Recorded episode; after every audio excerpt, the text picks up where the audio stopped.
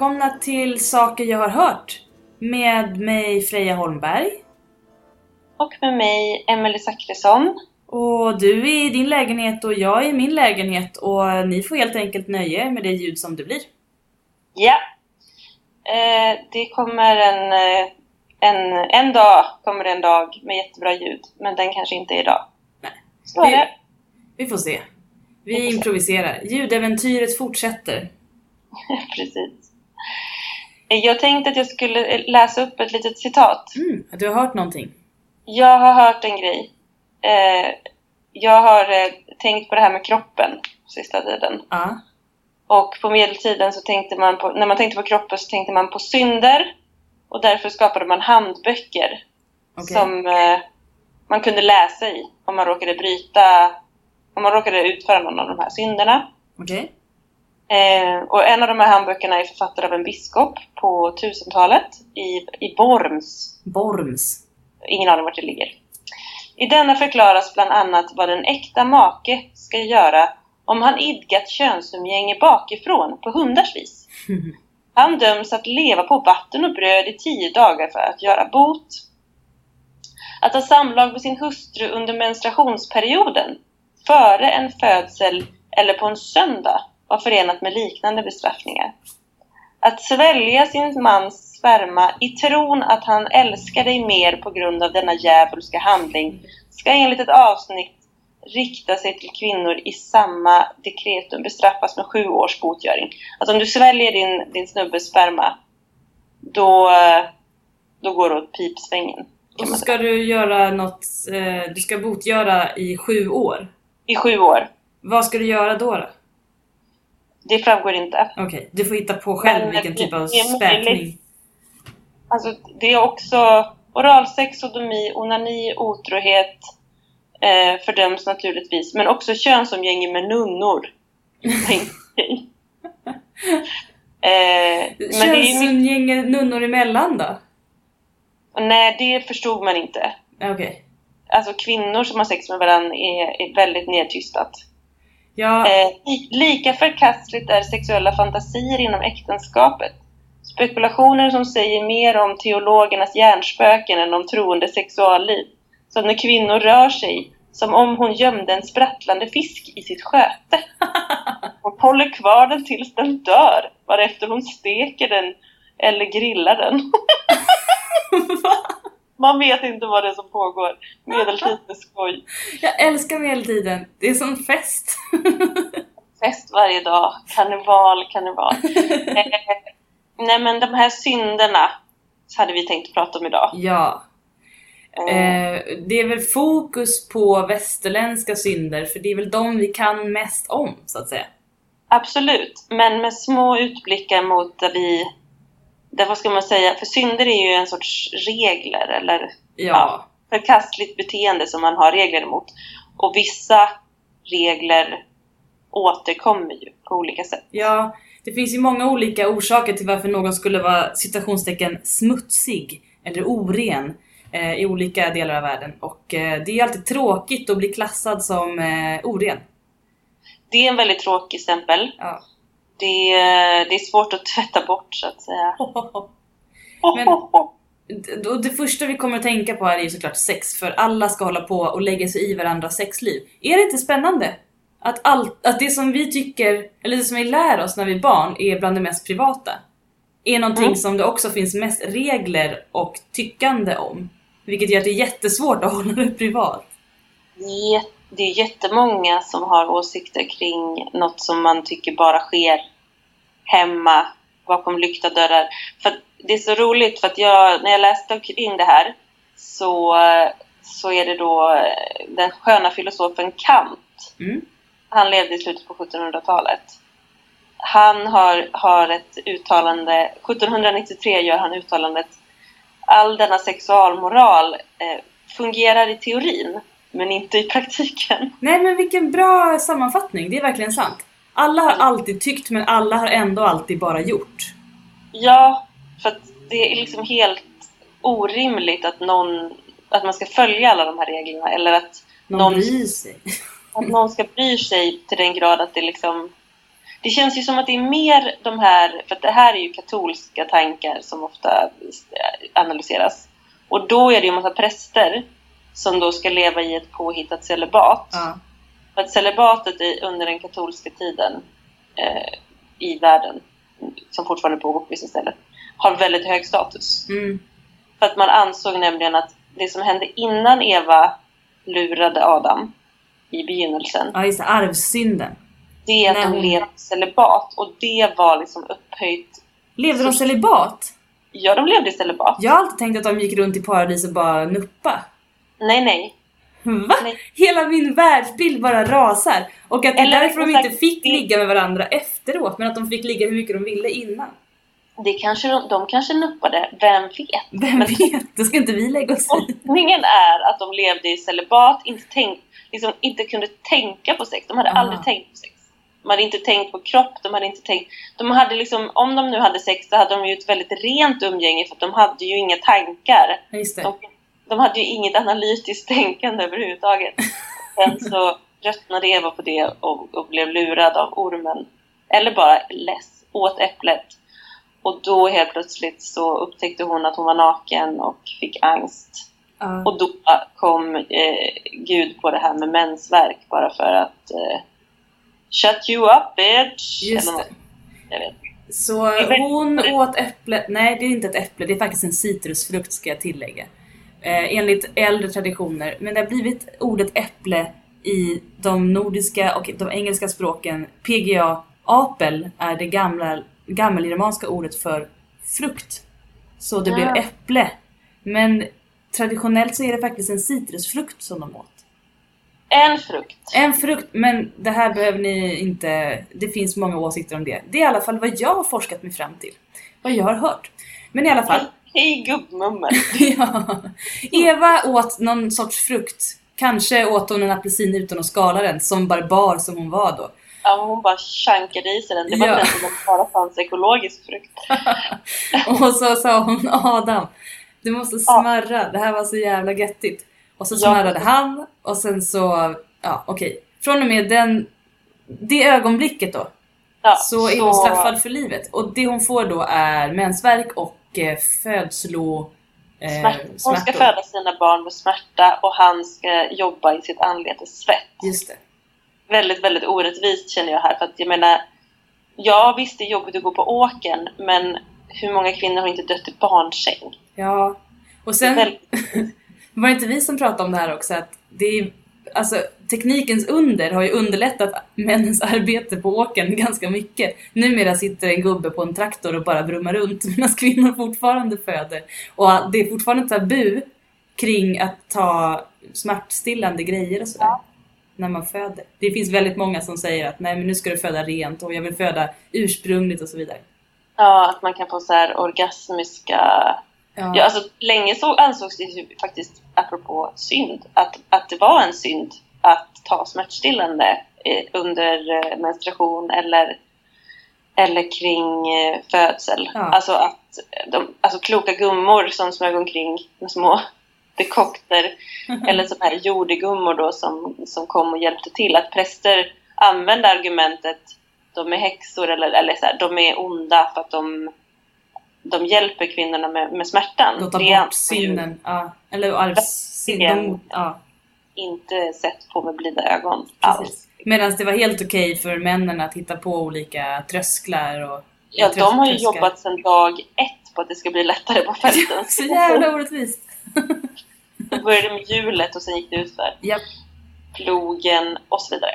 okej. Men i alla fall, de, de personerna som sitter och kokar ihop alla de här konstiga sexsynderna, för att återkomma till ämnet Mm. eh, varför bryr sig folk så mycket om sex? Det är ju då de här celibatmänniskorna, för då har man liksom upphöjt den här idén om att man kan inte vara ren om man har sex. För, utan man ska helst inte ha sex. Det absolut finaste man kan ägna sig åt är celibat. Mm. Eh, och då ska det liksom vara både kroppsligt och psykiskt. Man ska liksom aldrig... Men då kan, kan jag tänka mig att för att få utlopp för alla de här tankarna som man ändå har, Mm. så sitter man och bara Och det här! Ja. och tänk om de gjorde så här, det får de verkligen inte göra. tusan, det här och det här skötet, oh, steker efteråt. Men det är intressant med celibat för det finns ju inom eh, nästan alla liksom det finns ju inom väldigt många olika religiösa traditioner idén om att munkar eller folk som är högt eh, spirituellt uppsatta ska leva i celibat. Och det, det kommer från andra håll också, alltså med andra motiveringar. Till exempel så är det i många traditioner som man tror att, eh, eller tänker att om du inte, alltså att din livskraft så att säga, din, eh, din prana, din chi i kroppen mm. eh, liksom inte spills ut men liksom eh, blir i obalans av det sexuella. Så för att hålla dig själv eh, så kraftfull spirituellt som möjligt så, så tänker man då att det är liksom som en energi i kroppen som ska växa och eh, om man då har sex så slösar man bort den där energin som man har byggt upp. Man ska vara konstant sexuellt frustrerad så då är man på topp. Ja, målet är väl då att nå någon sorts högt spirituellt tillstånd där man inte ens, eh, ja som sagt, på riktigt tänker på sex. Om du ens kan föreställa dig det, Emily. Nej, det går inte. Men jag tänker att en annan, en annan tanke, eller så här, en, en, eh, om man går liksom flera steg, så tänker jag att, så här, att sex i, både inom eh, det mänskliga och det, det djuriska, alltså det, det vi gör är ju, förutom att vi har det gött, förhoppningsvis, är ju att vi, att vi gör en eh, alstrande handling, att vi faktiskt skapar någonting. Ja. Och om man då tänker att man ska viga sitt liv åt att sitta och, och, och be eller vara i den andliga världen. Alltså det finns ju få saker som gör dig så jordad, så, så här och nu, som ett skrikande spädbarn som du måste ta hand om. Ja, det är sant. Då är det så, lite distraherande. Ja, och då tänker man väl kanske, eller jag tänker att för någon gång, precis som när vi pratade om det här med ritualer, att här, någon gång fanns det någon, säkert en praktisk anledning. Att ja. Om du inte ska ha barn, då kanske du heller inte ska göra saker som skapar barn. Om du kan tänka dig att ta ansvar så kanske du lika gärna kan låta bli. Men tyvärr har det ju gått lite långt. Ja. Och kanske, så har man liksom blandat ihop det här med att det är syndigt. Alltså att man ville ju hålla man ville se till så att de som hade barn tog hand om dem. Och att man hade koll på vems som var vems barn.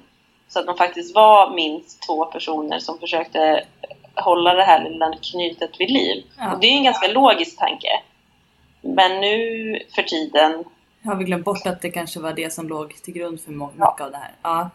Sen hade man ju också crazy ideas, både här i västerlandet och precis som att man höll på med chi och livskraft att, att utlösningen då eh, skulle liksom eh, förbruka. Ja, män hade då, eller personer med penis ska vi säga, ja. De hade en, ett visst antal utlösningar. Ja. Det trodde man. Så... Och det, man förhöll sig på det på lite olika. I västerlandet så trodde man ju verkligen så att det är endast genom, eller det är utlösningen som är barnet. Sen så kan man stoppa in utlösningen i olika kärl. Värsta är om man stoppar in det i ett djur. Ja, för då, för då kan det ju bli en, en bland och avkomma. Ja, då kommer det ett missfoster. Och det är ju mot eh, Guds vilja. Ja, ja. så sex med djur eh, sågs ju som en superduper megasynd. Ja. Den, det var ju dödsstraff på det, för att man var ju livrädd att det skulle börja komma en massa typ komänniskor eller någonting. Mm. Men ja. så höll man inte riktigt på i i Asien, i, i länder i Asien. Nej. I det stora landet Asien säger den vita koloniala häxan Eh,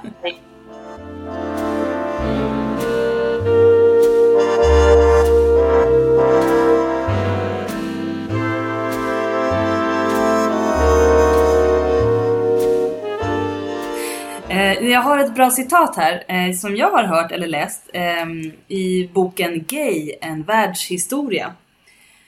En tips till alla som är intresserade av sån, sån synd. här står det lite om taoismen och eh, synen då, taoismens eh, syn på det sexuella och eh, också på homosexualitet. Um, där räknar man med att det finns då en balans mellan yin och yang. Medan eh, yin är den feminina aspekten så är yang den maskulina aspekten. Och eh, det här ska ju balanseras. Det ska hela tiden balanseras. Det är det som är det viktiga i taoismen. Så mm. inom taoismen uppnås denna balans genom en, ett lämpligt utbyte av chi. Så blandningen av yin och yang skapar chi. Liksom. Mm. Eh, livsenergi. Som antingen finns i sädesvätskan, yang, eller i vaginalsekretet, yin. Sexuell aktivitet ansågs gynnsamt för livslängden och hälsan så länge man inte lät chi gå förlorad eller slösas bort. Precis. Eh, enligt denna teori trodde man att män hade en begränsad mängd med chi som kunde fyllas på genom att mannen tog upp chi från den obegränsade tillgång som fanns hos kvinnan. Så kvinnan hade liksom hur mycket chi som helst och männen hade ganska lite och var tvungna att ta det från kvinnan. Det här är alltså taoismen alltså. Ja, därför såg kulturen snett på onani och celibat bland män.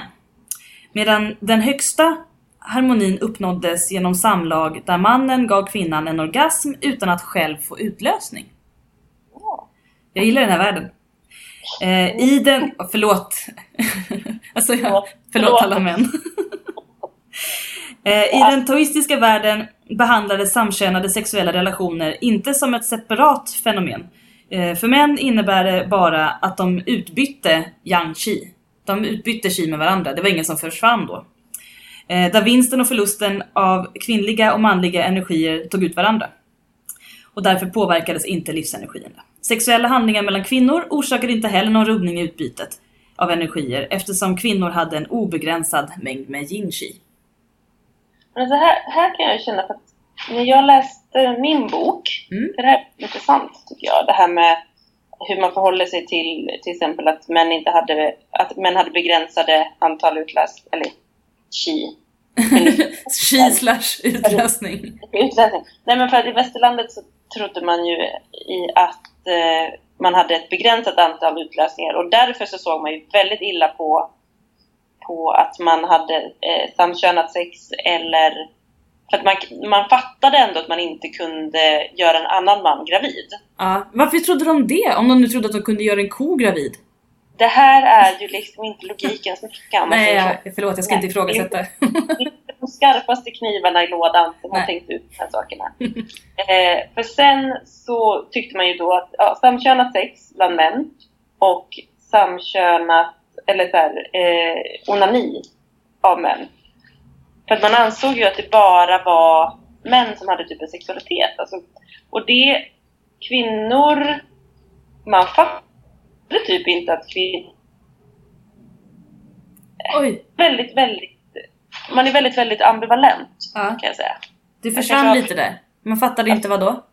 Man fattade inte att kvinnor hade en sexualitet. Nej. Utan...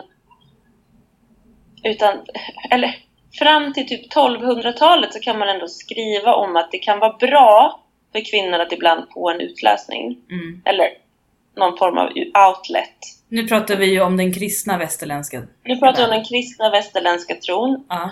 Eh, och då kan man till exempel gå till ett kloster och få hjälp med det. Ja, då kan man få hjälp av någon som stimulerar ens situationstecken livmoder.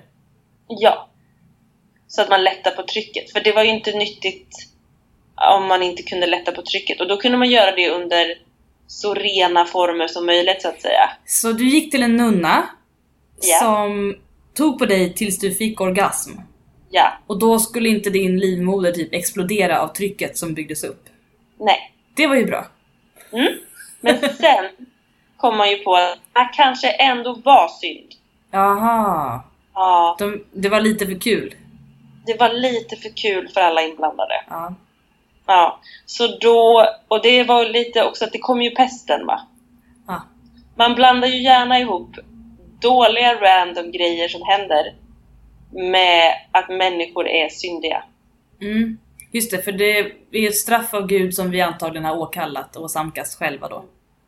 För innan pesten då var man ändå ganska chill med att man var inte lika hård med sexualmoralen. Man var liksom inte lika galen. Eh, man utfärdade till exempel mer, eh, mer så här, leva på vatten och bröd om man hade gjort något lite skumt än typ dödsstraff och bli av med ett öga. och bli av med ett öga. ja. Eh, Först blir hon av med ett öga. Nej, men man blir hårdare och hårdare kan man säga. Och sen har vi då kulmen på 1600-talet och vi liksom bara piskar varandra som aldrig förr. Ja. Men, Eh, och också om man inte hade en nunna att gå till innan så kunde man gå till en jordemoder som då Ja. var en eh, barnmorska. precis. Det är i princip samma sak. Det här blev ju populärt under 1800-talet igen. När vi började prata om hysteriska kvinnor. Då kunde du gå, men då skulle man gå till en seriös manlig doktor som var professionell, för det kunde inte en kvinna vara. Då, kunde man Eh. också, då fick man också använda redskap. För Ja. Det är man ju också på att om, man, om två kvinnor har bara tar på varandra obegripligt, typ, inte vet jag, steker fiskar eller vad man nu ska kalla det. Eh, vad de nu gör, de där kvinnsen. Mm. Eh, vi förstår ju inte de här prästerna som, som skriver ner skiten. Eh, då är det inte så farligt. Men om de börjar använda tillhyggen, Ah. det är då det blir danger, stranger danger.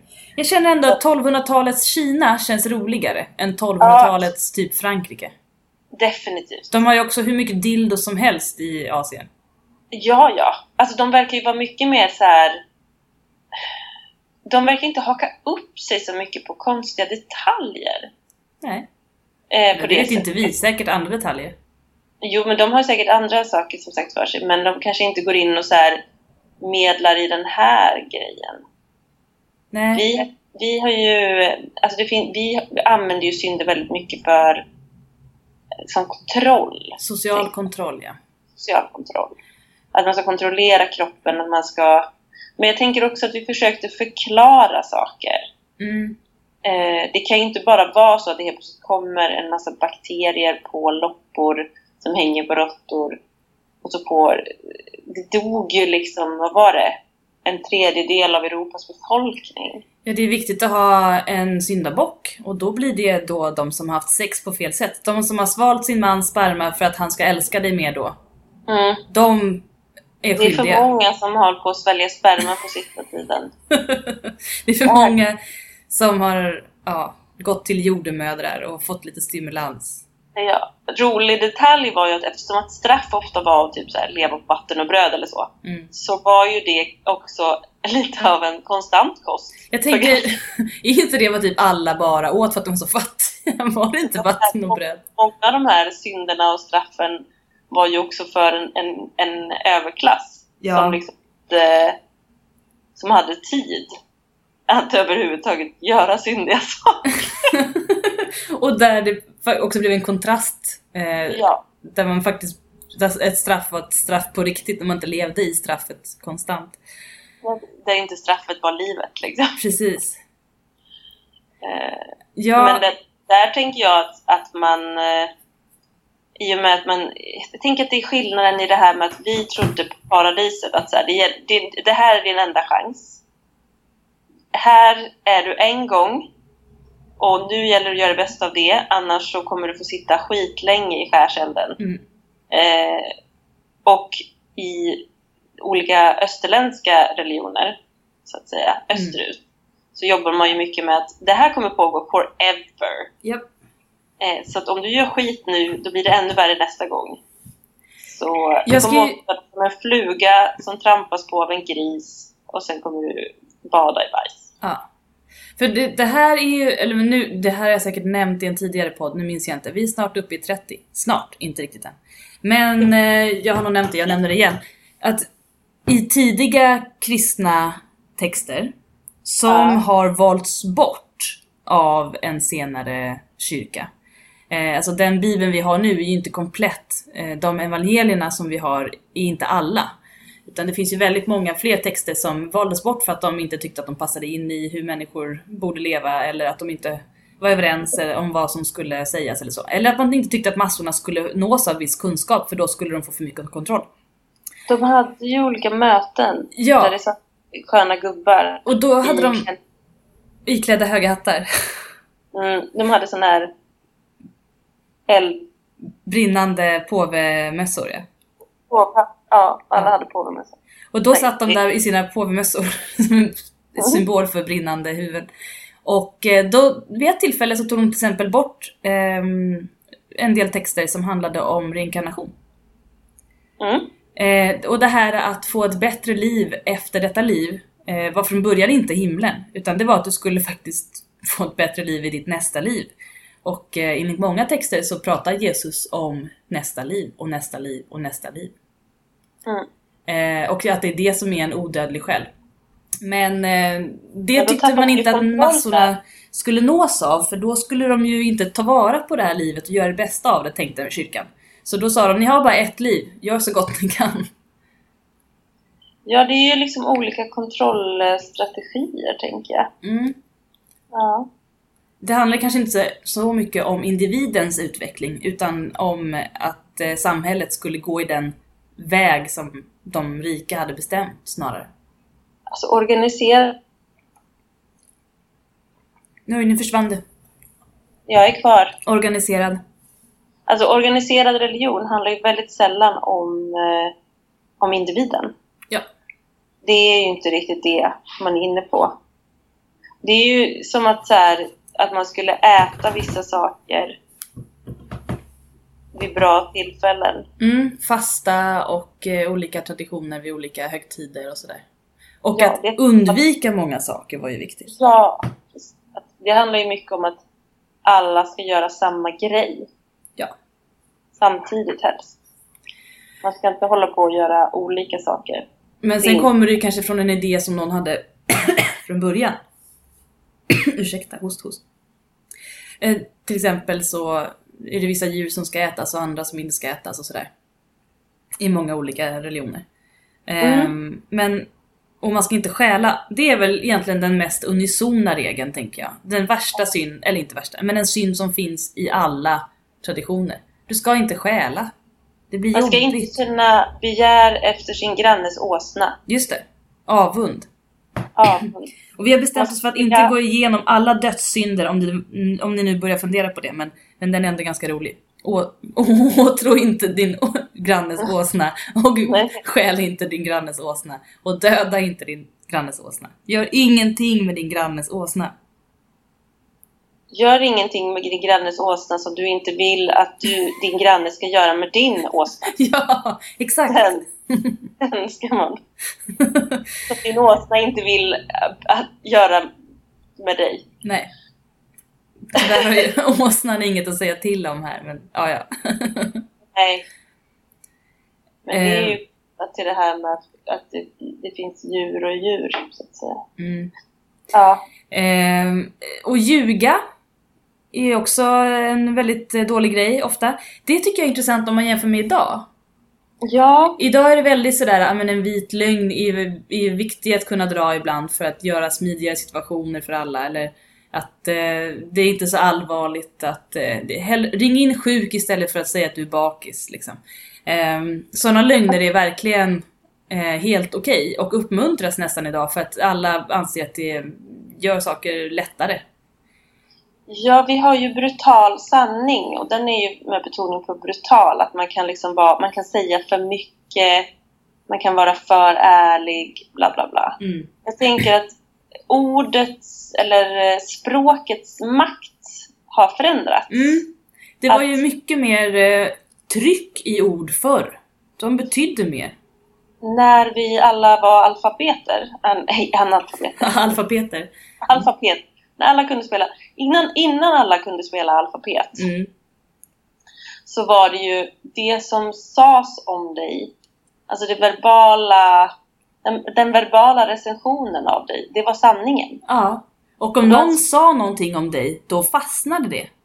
Ja, då var du liksom tvungen att försöka bli av med det. Så att om någon, om någon eh, kallade dig för tjuv och, det bevisar, alltså, och lyckades på något sätt bevisa det, då var du tjuv. Ja.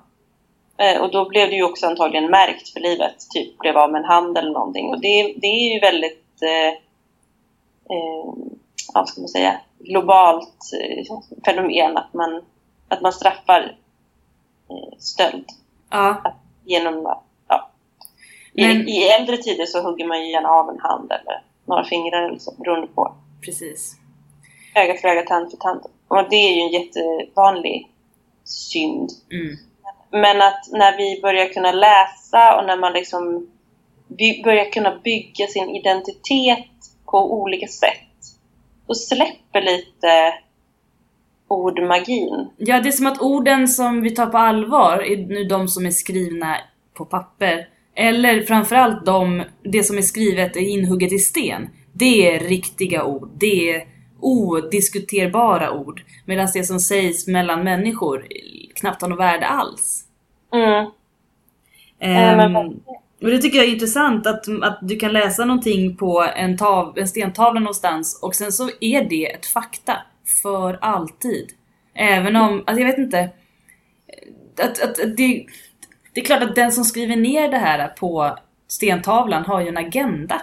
Annars skulle du inte lägga ner så mycket energi och tid på att hugga in någonting i sten. Och då borde man snarare se det som pro propaganda. Och speciellt de texter som skrevs ner av typ eh, ja, men, på, påvar och furstar och kungar och så vidare. Det är ju de som har haft en agenda med det också. En vinnare som skriver sin egen historia. Eh, och det är nu, först nu i vår historia så börjar liksom historiker ifrågasätta tidigare godtrogna uppfattningar om vad som var sant och inte sant i historiska dokument. Men det är det enda vi har att gå på, så ja, det är jättesvårt. Ja, men det finns ju en sån sägning att det inte är hugget i sten. Och det betyder ju typ så här, ja men eh, att man kan preliminärboka sig. Men det är inte hugget i sten att det är så här. Men Eller, om det hade varit hugget i sten? Ja, då är det ju kört. Ja, då är det kört. då är det ordet som gäller. Förutom gravstenar då som man då och då kan prioritera bort. Ja, det, oh, det här är jag så upprörd över. Att vi i Sverige tar bort gravar efter x antal år om ingen sköter dem. Alltså man blir begraven, inte det sorgligaste som finns. Tänk om jag blir begraven. Jag har inga barn. Alla mina vänner dör. Ingen betalar för min grav. Ja, då gräver de upp mig. Det är som att mitt värde försvinner om jag inte har efterlevande som kan betala för min grav. Alltså precis, jag skulle snarare säga att de gräver ner dig lite djupare. Så gräver de ner någon tillsammans med dig. det där vet du mer om än vad jag gör. Ja. Men gräver de inte upp och bränner? Alltså du, du får ju i princip inte bli... Du är redan bränd. Men om jag inte vill det då? Det är svårt. Fan! det blir väldigt svårt för dig. Ja, det här, gravskändning, det är ju en synd om något. Jag umgås med döda på fel sätt. Ja. Fast umgås med döda på rätt sätt. Det är viktigt. Uh. Klassisk syndig grej att göra fel grej när folk är döda. Vadå, att ha sex med ett lik? Ja, det är dåligt. Överlag. Dålig ja, idé. Det är en dålig idé. Eh, jag vill gå... Jag, förlåt, säg. Nej, att jag tänkte på att, att uh, röra vid döda och sådär. Alltså, jag, tänk, jag tänkte på det här med böden. Ja, ja. Eller tänkte du på någonting annat? Jag tänkte bara avsluta det här med ord. Avsluta det här med ord. Eh, att ordets eh, betydelse kommer ju från många gamla traditioner och eh, många religioner. Eh, många religioner har liksom fristående från varandra berättelser om att i början var ordet. Och Just. Gud sade. Och mm. så skapade han världen genom sina ord. Eh, att i, i, i, början var ordet, och ordet är då också en symbol för resonans såklart, vibrationer och liksom skapande kraft, energi. Eh, så det du säger är liksom ordmagi, tänkte man. Mm. Och de, det är därför mantran är så viktig, att du säger någonting, även om ingen hör det så är det själva ordens resonans och din intention när du säger orden som blir viktiga. Att ord kan skapa saker i det fysiska rummet. Mm. Det har ju vi lite gått ifrån i västerländsk kultur idag.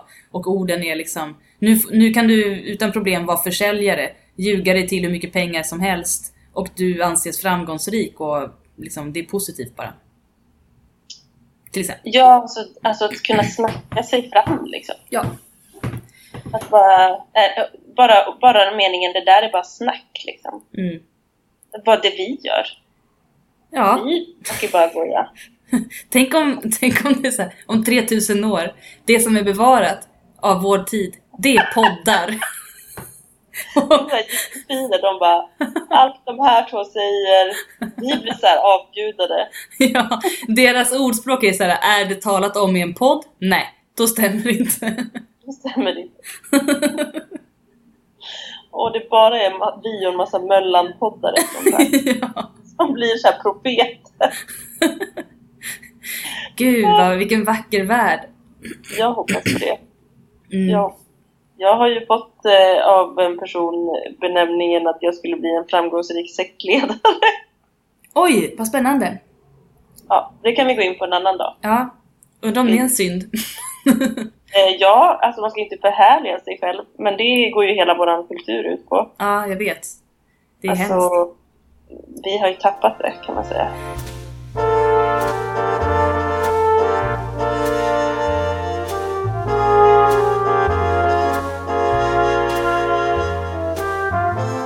Eh, jag återleder dig till bödeln. Ja, för jag tänkte på döden, döda kroppar. Att ta i kroppar är ju smuts, alltså det är smutsigt alltihopa. Mm. Det, eh, det, det böden gör är ju väldigt smutsigt. Och det böden gör är ju att avrätta människor. Alltså att eh, göra slut på liv egentligen. Mm. För att jag menar, i eh, olika kulturer så har man ju olika ritualer och så för att man ska avrätta eller ta liv på rätt sätt. Liksom. Att det ska vara humant. Ja, jag tänker liksom att, eller humant är det väl inte Snabbt alltid. och smidigt kanske. Pumpa ut, att det ska, alltså som det, alltså hal, är det halal när det pumpas ut Ja, blodet. Mm. blodet. Många av de här ritualerna handlar ju om att eh, i begynnelsen, innan man kunde preparera mat, att man skulle göra den så den höll så länge som möjligt. Nu pratar vi inte om människokroppar längre, nu pratar vi om mat. Nu pratar vi om allmän död. Allmän död. Okej. Eh, och jag tänker att anledningen till att, att det skulle vara smutsigt med att ha ihjäl folk var väl att försöka få folk att inte ha ihjäl varandra. Ja, det är att- synd. Eh, ja, precis. Och att böden är liksom en dubbel bestraffning. Att böden är smutsig för livet. Eh, har antagligen antingen ärvt sitt jobb. För att om du råkar vara son till böden så då har du inget val. Nej. Eller så har du råkat bli bödel genom att den, den som är bödel när du döms till döden, du har begått ett brott, är kanske så gammal och skröplig. Eh, så då får du ta över. Om du har tur då så får du leva och istället bli bödel. Du kan få valet. Du dödar den här mannen som kommer att typ hugga i dig hundra gånger för att... Hacka sönder dig. Eller bli bödel och då med stor sannolikhet avrätta den förra böden också. Vad hade du valt? Åh gud! Det är ju verkligen pest eller kolera. Ja. Eh, jag vet inte. En långsam och plågsam död eller ett fruktansvärt liv? Oj, vad svårt. Jag kanske hade valt att bli bödel. Jag är jag så ond? Är jag ond? Alltså- Nej, det är inte mitt fel. Nej. Jag tror att alla väljer, jag tror att det är så här att, li, alltså, Livet är starkast. Ja, Ja. jag tror att man väljer att bli bödel. Ja. För man, hela ens, hela ens naturvarelse strävar efter att ö- Överleva. överlevnadsinstinkt. Oj, du faller bort lite. Överlevnadsinstinkten. är starkast. Ja. Eh, jag tror att det är ganska många av våra lyssnare som är ädla nog att välja ett hack, sönderhackad kropp och sen död. Mhm. Eller? Om det är någon som känner att de hellre väljer att bli hackad till döds av en gammal bödel, skriv gärna det på vår Facebook-sida.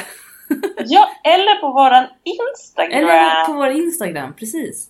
Kan Vi ni- har numera en Instagram. Ja, vi vill veta om det finns någon som är så ädel. Jag vill absolut veta, väljer man... Väl, vi kommer att, jag kommer göra ett Instagram-inlägg och då kan man kommentera Ja. om man väljer eh, vad man väljer, pest eller kolera. Bödel eller dö, döden. En, och då är det en långsam, plågsam död. Japp. en farbror som, som hackar i en. Men böden ansågs i alla fall väldigt, väldigt smutsig och det var liksom en det var ju en synd att prata med böden eller att röra vid böden. Då, var det ju, det var, då fick man ju verkligen gå i bot liksom. Mm. Inte vet jag. Be x antal böner. Eh, och eh, han, det var, ju, det var ju en man. Men det vet man ju faktiskt inte för bönen hade oftast täckt ansikte men man Just det. förutsatte att det var en man. Mm. Eh, Intressant. Mm. Kvinnan ansågs väl ändå smutsigare i samhället? Ja, fast också inkapabel att göra saker. Ja, just det. Sant.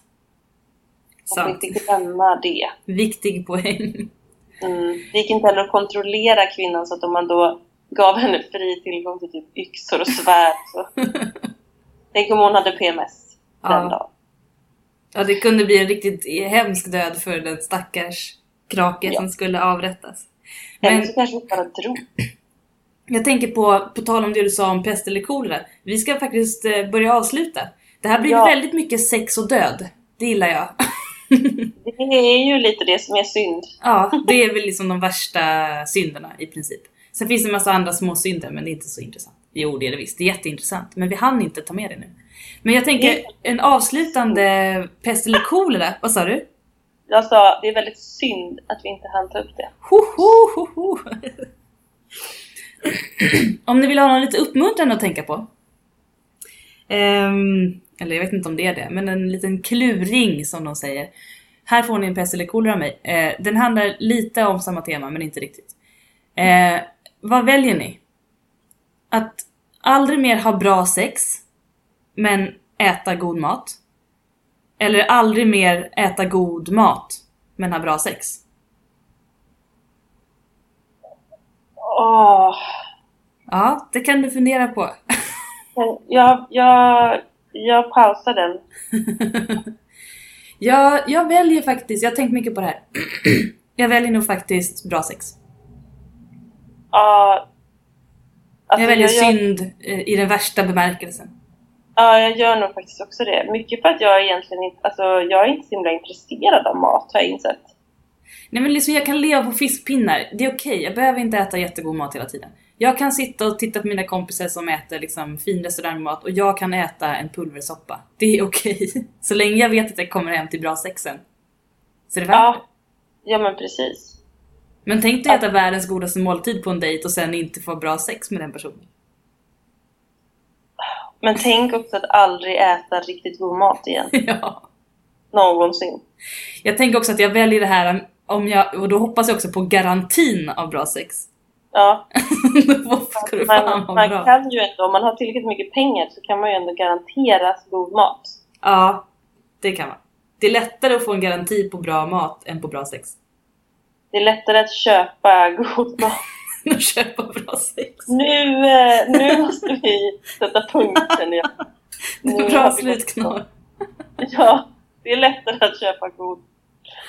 Ja, det är syndigt i alla fall. Ja, det blev riktigt syndigt det här. Tack och hej! Tack och hej! Leverpastej! Leverpastej!